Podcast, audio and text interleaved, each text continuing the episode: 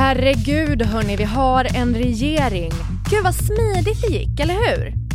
Sossarna tänker sitta tryggt i tio månader, men samtidigt står ju det andra laget i omklädningsrummet och håller svettiga peptalks i klungor. Så, vilken är lagkapten Ulf Kristerssons taktik för att vinna valet? Vilka spelare kommer han sätta in? Vilka placerar han på avbytarbänken? Och vilken position får Sverigedemokraterna? I programmets andra del kommer vi prata om ministerutnämningarna vi minns. Wildcarden som kom in från sidan. Hur gick det för dem egentligen? Det här är en runda till med Lena Melin, Olof Svensson och mig, Soraya Hashim.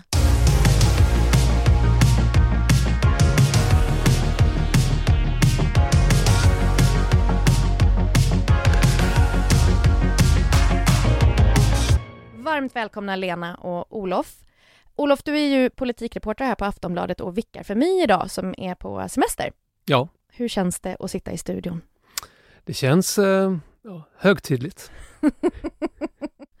vad bra, vad fint. Hörni, nu har vi en regering och laguppställningen är presenterad och Magdalena Andersson tog nästan 35 timmar på sig att göra sin regeringsförklaring i talarstolen, kändes det som, tyckte jag. Var, var det en ovanligt lång regeringsförklaring? Den brukar vara ganska lång för det är vissa moment som måste vara med och sen så vill de kanske också sätta en lite personlig touch på det hela.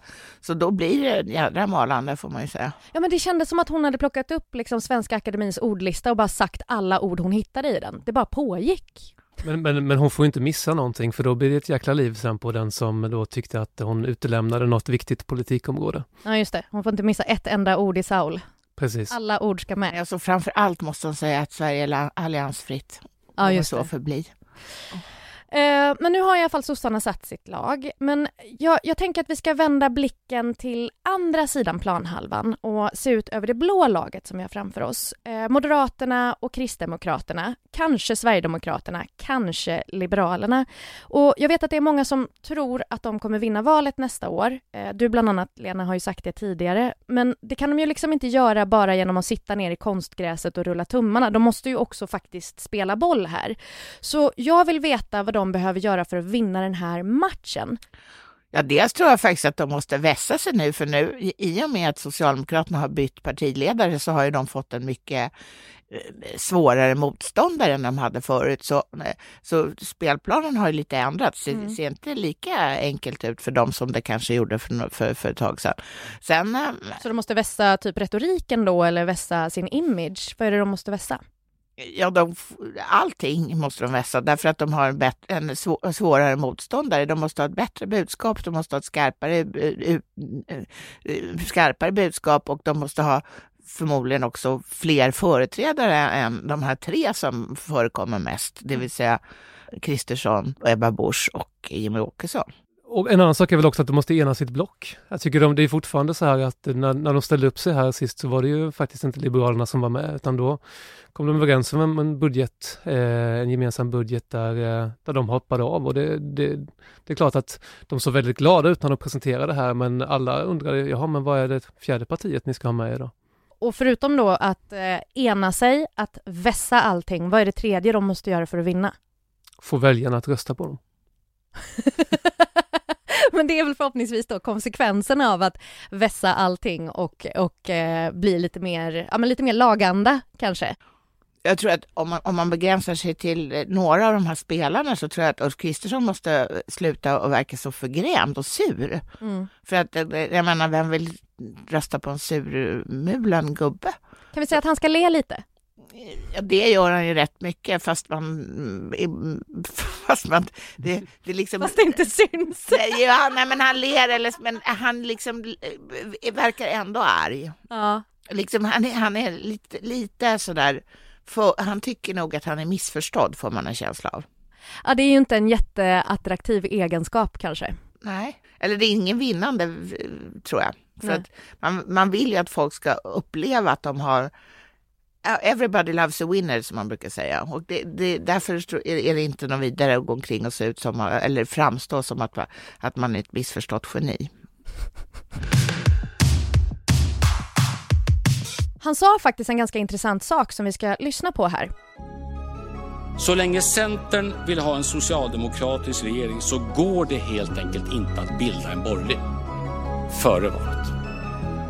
Men ger väljarna oss ett mandat till i valet nästa år så ändras det. Ett enda mandat till och Sverige får maktskifte. Ett enda mandat. Vad tror ni är hans syfte med att säga så här? Jag tror syftet är att verkligen understryka att segern ligger inom räckhåll. Det handlar bara om att, att kapa till sig ett enda mandat till. Det, och det där tror jag han kommer att fortsätta säga ända fram till valdagen. För att det är klart att om, om folk går och tvekar om att, ja men ska vi, och sen tycker de ändå, okej, okay, Kristersson verkar bli den bästa statsministern, så är ju det inte oöverkomligt att skapa åt sig ett enda mandat. Hur många mandat var det? Oklart. Ett, ett bara? ja men det är, okej okay, så han vill liksom inte verka som en så stor förlorare. Det, är bara, det var bara på, på det lilla, lilla håret. Liksom. Det här kan gå hur som helst, jag kan vinna nästa gång.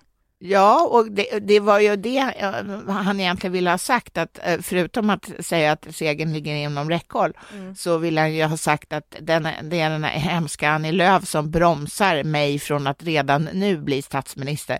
Men bara ett enda litet skruttigt mandat ligger mellan mig och statsministerposten och det är efter valet. Och siktet är inställt på det. Mm. Jag förstår. Men en av, en av väljarnas viktigaste frågor är ju lag och ordning och i, i den här regeringsförklaringen så hamrade ju verkligen Magdalena Andersson ännu en gång in det här med att hon ska vända på varenda jäkla sten för att stoppa gängvåldet och skjutningarna. Och, och samtidigt har ju ändå det blå blocket ofta ägt frågan om lag och ordning. Väljarna har ju mest förtroende för dem där, eller har i alla fall haft fram till nu väl. Så hur ska de behålla sitt övertag i ämnet nu när Magdalena kommer in och vänder och vänder och vänder och vänder och vänder och vänder och vänder och vänder? Ja, det är klart det blir konkurrens. Alltså, när, när jag pratade med Ulf Kristersson precis efteråt så sa han ju, hans argumentationsteknik är ju mycket det här att de, de, de säger att de ska vända på varje sten men så hittar de ingenting. Det kommer ingenting nytt, det är inget nytt som presenteras. Det kör han ju väldigt hårt på. Lite kan han ju leva på gamla meriter för att eh, Moderaterna har en historia av att ha en mycket kraftfullare politik just på det här området. Eh, och trummar han in det här hos väljarna att men det, Socialdemokraterna de kommer aldrig med något nytt, det är samma gamla hela tiden. Då, ja, det är alltid någon som lyssnar på det så att han, eh, det tror jag, det tror jag han kommer fortsätta med. En parentes verkligen, men när ska Magdalena Andersson sluta säga vända på stenar? Alltså börjar inte hon själv känna att det är lite tjatigt nu? För jag håller på och, alltså det känns som att huvudet ska explodera varje gång hon säger det. Jag tror det kommer att dröja. Jag tror att de tycker det är en jättebra formulering. det blir ju då som sagt väldigt mycket fokus här då på lag och ordning, men enligt väljarna är ju en annan av deras viktigaste frågor också vården. Vad ska det blåa blocket ha för strategi då för att äga vården som, som fråga? Det partiet inom det blåa, den blåa oppositionen, den nuvarande blåa oppositionen som mest profilerar sig i vårdfrågor, det är Kristdemokraterna. Mm. Och de, där är det så att, att Ebba Busch säger ju att det finns en bra lösning på jättemånga problem och det är att förstatliga sjukvården. Mm. Att lägga ner landstingen eller regionerna och istället, uh, istället förstatliga alltihopa och att då, då ska de här regionala skillnaderna minska. Man ska få tillgång tillgång till högspecialiserad vård över hela landet. För nu kan det vara skillnad då att vissa regioner har inte råd att köpa lika avancerad eh, apparatur som andra. Men, men att förstatliga saker låter ju lite rött. vad, vad tycker sossarna om det? De, de har ju inte svarat med att, att de tycker att det ska förstatligas. Nej. Om nu då det blåa blocket vinner, kan man anta att KD kommer få några ministerposter? Jag tänker att de ändå är bästisar med Moderaterna. Det, det förutsätter jag. Alltså om de ska bilda regering ihop så kommer de ju eh, med all sannolikhet vilja ha, vilja ha och även få ministerposter. Vilka kommer de få? Ja, men något som har med vården att göra, väl socialminister kanske. Mm. Eh. Och Göran Hägglund, alltså, hennes Ebba Buschs företrädare, han var ju socialminister. Ja, just det. För även det är en annan fråga inom den sektorn som just KD prioriterar ju äldreomsorgen. Så vad, vad kommer Ebba bli för minister tror ni? Bostadsminister. Jaha. det var ett försök att skämta, jag tänkte på det här med Esbjörn. Men, eh, men socialminister kanske? Hur slö idag. Ska vi snacka lite om Sverigedemokraterna också? Ulf Kristersson säger att han inte kommer släppa in dem i en regering, men nu har jag ändå släppt in dem i budgetarbetet, och så de har ändå tagit det steget. Hur, hur långt är det till nästa steg, att släppa in dem i regering? Ulf Kristersson har ju lovat i en intervju med Aftonbladet att han inte kommer ha eh, SD i en regering. Eh, å andra sidan så säger ju SD att de kommer göra allt, i, vad som, står i sin, allt som står i deras makt att eh, komma in i regeringen. Mm. Så det, det, ska bli spännande att se vad, följa detta. Vi pratar ju ofta i den här podden om Ulf Kristerssons himmel som faller ner, att liksom han har lovat saker och så säger han om himlen faller ner, bla bla, men, men så gör han de grejerna i alla fall. Vad tänker du, Lena? Nej, men det, jag tänker att saker och ting förändras ju hela tiden. Någonting som man sa för ett halvår sedan, kanske förutsättningarna har ändrats något och så, kan, så tycker inte jag att det är så jättekonstigt om man ändrar sig. Jag tror att det är besvärligt för Moderaterna att bilda regering tillsammans med Sverigedemokraterna. Dels för att han har sagt så där och också för att det finns ju faktiskt moderater som inte tycker att det här samarbetet är toppen. Och en annan sak som talar för att det kanske skulle bli så att, att Sverigedemokraterna satt utanför regeringen utifall att de här skulle då vinna sitt mandat och uh, ha ett regeringsunderlag som består av minst 175 ledamöter. Det är ju att Sverigedemokraterna verkar ju trots allt ändå stå, kunna stå ut med att de inte sitter i regeringen. Mm. Under förutsättning att de får inflytande på andra sätt. Och det är väl där kruxet ligger tror jag. Ja, för Jimmy Åkesson har ju sagt det, ja. att, att så här, det spelar ingen roll vilken position vi har så länge vi får igenom våra sakfrågor. Men, men de här Moderaterna då, som du nämner Lena, som, som kanske inte tycker om att Moderaterna skulle samarbeta med Sverigedemokraterna, vart kommer de ta vägen då ifall, ifall det blir så att, att det känns som att det börjar bli ett samarbete? Vilket parti hoppar de till i så fall? Alltså no någon typ av samarbete kommer det ju bli, det står ju redan klart ju. Så ja. att, eh, jag tycker att de har, de har ju liksom dratt, dratt bort det, det tungsta, eller det, det mest klistriga plåstret vad det gäller den här frågan. Mm. Så jag tror, inte, jag tror inte att det kommer bli någon jätteväljarflykt från Moderaterna. De har väl redan gått till Centern, de som är jätteemot. Liksom. Ja, de andra står ut. Mm. Men hur kommer SDs entré i finrummet påverka deras resultat i valet tror ni? Det är ju så att eh, Sverigedemokraterna har ju varit en framgångssaga får man ju ändå säga sedan 2010. De har liksom, de har, fram till 2018 så dubblerade de sitt stöd i riksdagsvalet mm. vid varje tillfälle. Men eh, så kom det en inbromsning då förra valet och jag tror att inte att de kommer öka så mycket eller kanske faktiskt väldigt lite i det här valet. Ja, du tänker att det blir en platå nu, liksom? att de, nu har de nått sin topp? Ja, de, de, de, har ju, annars hade de väl skuttat upp. Det har ändå gått tre år sedan förra valet och då hade väl det där skuttandet redan påbörjats. Så att jag, jag, jag tror inte att de kommer göra något succéval. Men det spelar nog inte så himla stor roll för dem, för huvudsak, om Ulf Kristersson blir statsminister. För att då, då har de ändå tagit ett historiskt steg utan att kanske eh, öka väljarskaran så himla mycket. Just det. Men, men jag tänker det att deras grej, alltså Sverigedemokraternas grej har ju hela tiden varit att de står, de står utanför dörren och, och bankar och bankar, men nu när de har kommit in i i alla fall hallen och KD och Moderaternas politik kring invandring börjar ju låta lite allt mer som Sverigedemokraternas. Vad behöver Sverigedemokraterna göra för att inte bli överflödiga?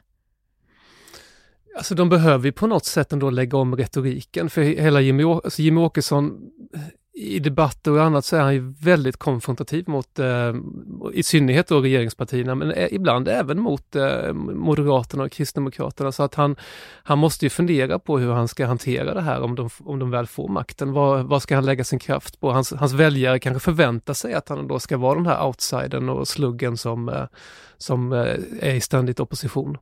Men tror du han kommer vara det? Tror du han kommer tuffa sig eller kommer han bli mer mild i sin framtoning? Ja, han kan ju inte han, han, har väl egentligen inget val än att bli mer, mer mild, han kan ju inte tuffa sig mot sig själv. Vad ska han göra då för att inte bli överflödig i sin politik? Behöver han, behöver han gå ännu längre ut på sin kant politiskt? Alltså om man ser det inom det här eh, högerblocket så har ju de, har ju, företräder ju Sverigedemokraterna åsikter som inte är så allmänt förekommande i andra av de här partierna. Till exempel, det, så, ja, för att ta ett lätt exempel, de är, vill ju verkligen avskaffa det här med delade turer i vården, att man ska då jobba sådana delade turer till exempel. Mm. Och de eh, tycker att heltid ska vara norm och så vidare. Eh, det där är ju inte, det är ju liksom det som, det är frågor som de har hämtat från vänstersidan egentligen. Just det. Så att det, där kan de ju utveckla sig kanske. Mm. Men, men de frågorna tänker jag är ju inte riktigt lika sexiga som politiken där de liksom verkligen har, um, ja men det har ju verkligen varit deras profil. Alltså kom, kommer deras väljare vara sugna på, på de frågorna?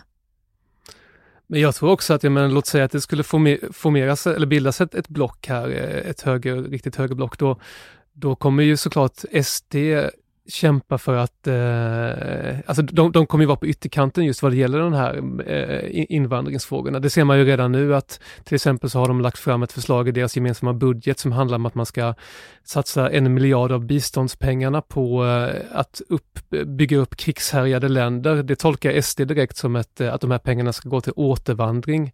Medan eh, Kristdemokraterna, nej, nej, nej, det här är ju biståndspengar som ska gå till att eh, hjälpa fattiga länder och så vidare. Så den här, den här formen av konflikt konflikt kommer ju såklart finnas eh, i, i de här tre partierna. Ja, för det leder mig lite in på min nästa fråga här, att liksom, hur nära är vi att Moderaterna, KD och Sverigedemokraterna bildar en ny allians till valet med liksom så här, gemensamt valmanifest, logga, badtunna, bussturné? Inte nära. Du tror inte det? Nej, men jag kan ju ha fel. Vad tror du, Olof? Alltså, de, de, de, om man tänker på det här, det var många som tog upp den här när de stod i Aktuellt och presenterade sitt gemensamma budgetalternativ. Det var i och för sig inte Ulf Kristersson med, men de tre partierna stod ju väldigt nära varandra där, så att de är ju, de har kommit en liten bit på väg att hoppa in i den här badtunnan, men de, eh, frågan är om de kommer komma dit. Det, de har inte bytt om till badkläder än. Nej, och det, och så här, gemensamma turnéer, gemensamma loggor, det tror jag absolut inte på. Men det, däremot, det håller jag med dig om. Att, däremot att de mm. kanske uppträder på något torgmöte och sådär, det, det kan nog förekomma. Mm. Jag tror att en, om det skulle bli så att eh, Sverigedemokraterna blev Eh, ett samarbetsparti till en Ulf Kristersson-ledd regering så tror jag att ett av Jimmie Åkessons och Sverigedemokraternas största problem är att de måste sluta och enbart gå till attack. För till slut då kommer de hamna i en position där de blir tvungna att försvara saker och ting plötsligt och det är de ju verkligen inte vana vid. Nej, just det. Mm. Liberalerna då? Vad är deras plats på den här planen vi har? Är det viktigt för det blå blocket i övrigt att Liberalerna hänger kvar? Att de hamnar över spärren? Ja, om de muckar ut förlorar de ju en, en eh, massa väljare såklart. Eh, så det är viktigt för dem. Så vad behöver de göra för att behålla dem? För just nu så dinglar de ju där efter vagnen. Mamma, mamma, vänta på mig. Nej men Liberalerna måste ju på något sätt hitta en fråga där de kan attrahera väljare. De har ju, de har ju kämpat med det här jättelänge och eh, jag tror att många börjar bli mer, och mer, de är splittrade. Eh, jag pratade med en liberal för ett tag sedan som sa, som hade en generationer av eh, personer i släkten som har röstat på Liberalerna, men han tänkte inte rösta på Liberalerna för att eh, just det här med närmandet mot SD. Han kan tänka sig att rösta i regionvalet och kommunvalet, men inte riksdagen. Och han sa att det är jättemånga som tänker på det här sättet. Mm. Och så länge de har den här splittringen i partiet och inte hittar någon riktig fråga att ta tag i så kommer det vara väldigt svårt för dem att eh, attrahera väljare.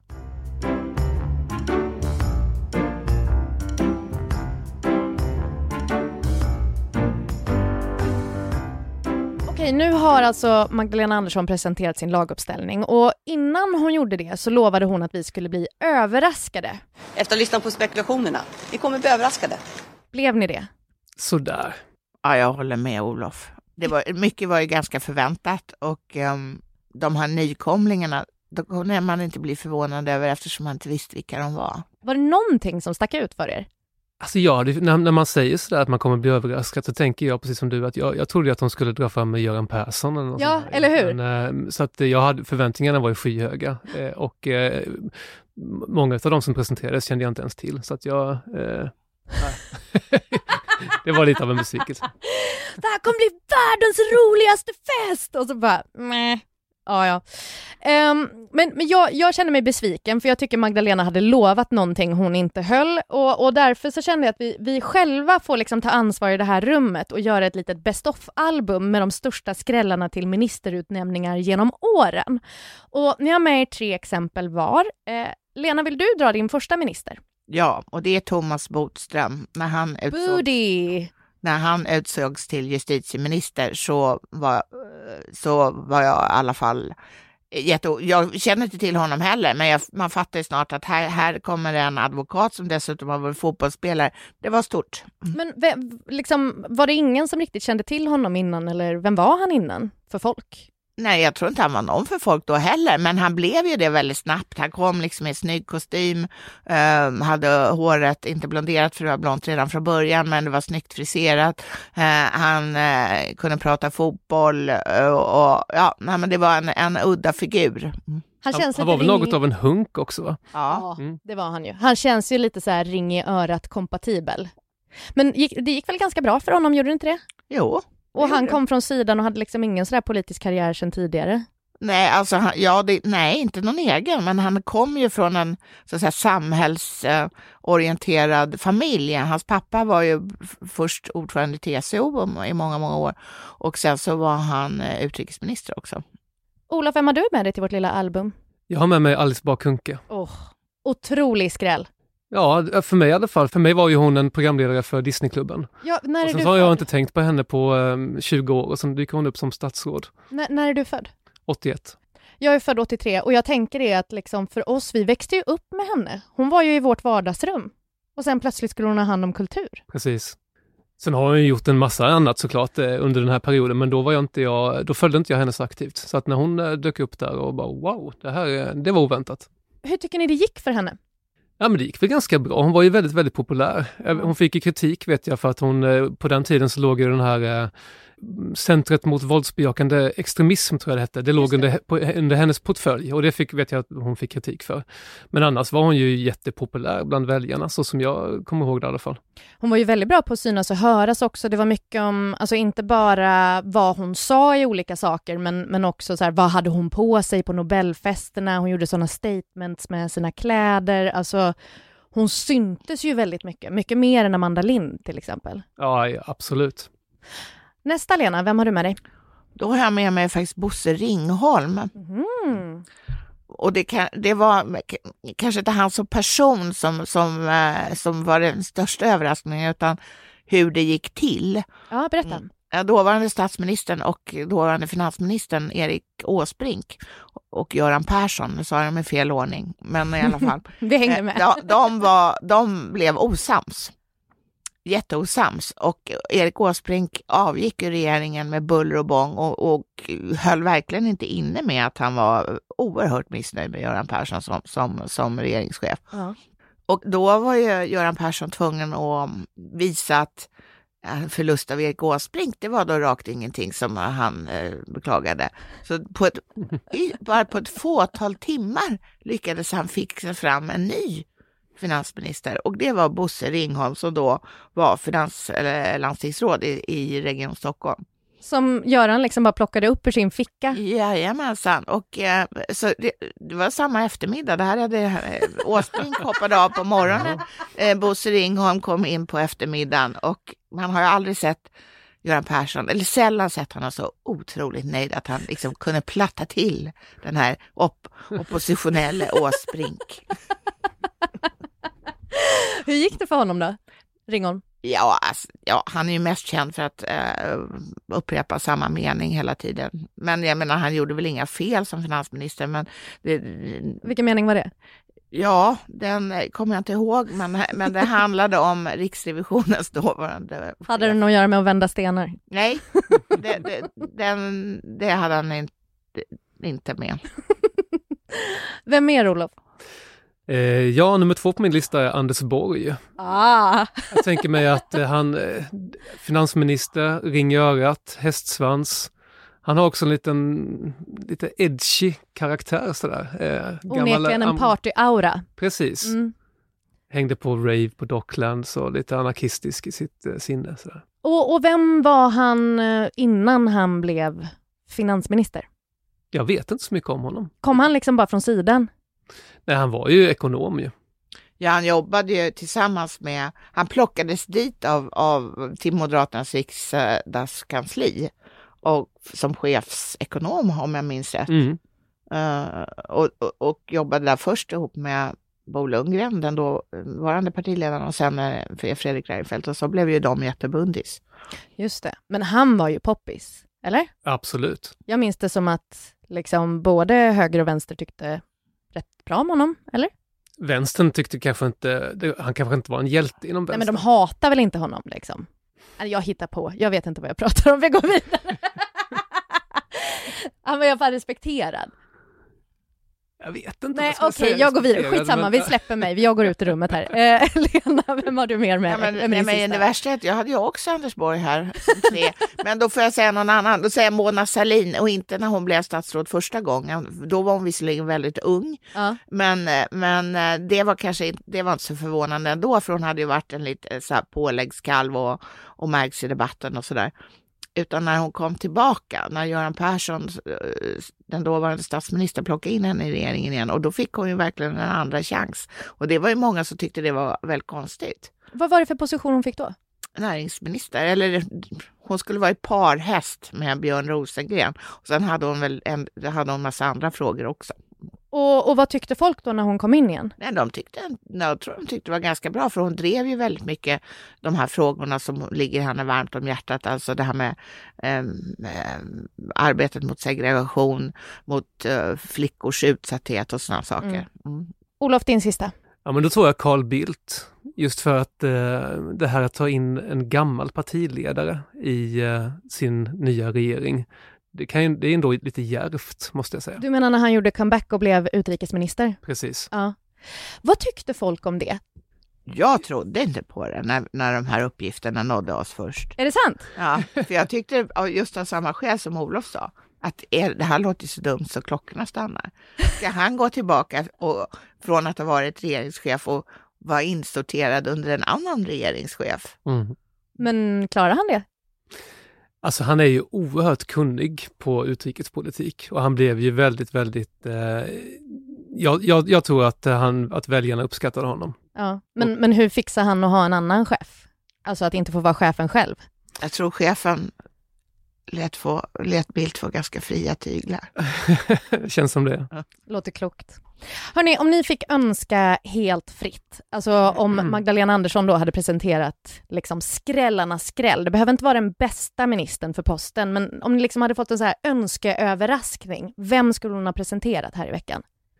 Men jag, jag tycker det, det hade varit väldigt kul om det, om det kom någon så här eh, gammal politiker som Göran Persson till exempel. Vad skulle han fått GP, vilken post? Ja, kanske skulle kunna gå tillbaka till skolminister. Ja, Ja, då hade man ju verkligen legat raklång om han dök upp, det måste man ju säga. Men eh, vem som helst, det behöver inte vara en politiker. Nej, jag förstår. Jag, jag, jag kommer inte bra nå- på någon bra person, men det som jag eh, tror hade legat inom möjlighetens gräns, det är någon typ av kulturpersonlighet som, som, som tog klivet in. För de har ju ofta ut, gett uttryck för ganska starka åsikter, så att, Mm. eh, så, eller ofta gjort det, så att det är, de är redan i åsiktsbranschen så att säga. Benny Andersson slänger jag in som kulturminister. Ja, det, det, det hade man ju tyckt varit eh, oerhört eh, Han har ju liksom det nya albumet, Ja, det är liksom mycket... Och så kunde han ju när han var lite trött kunde han peta in sin avatar där istället.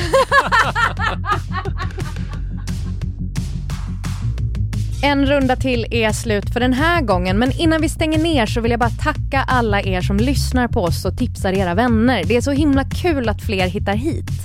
Vi som har gjort programmet idag är producent Olivia Svensson, experter Lena Melin och Olof Svensson och jag heter Soraya Hashim. Vi hörs nästa vecka. Hej hej!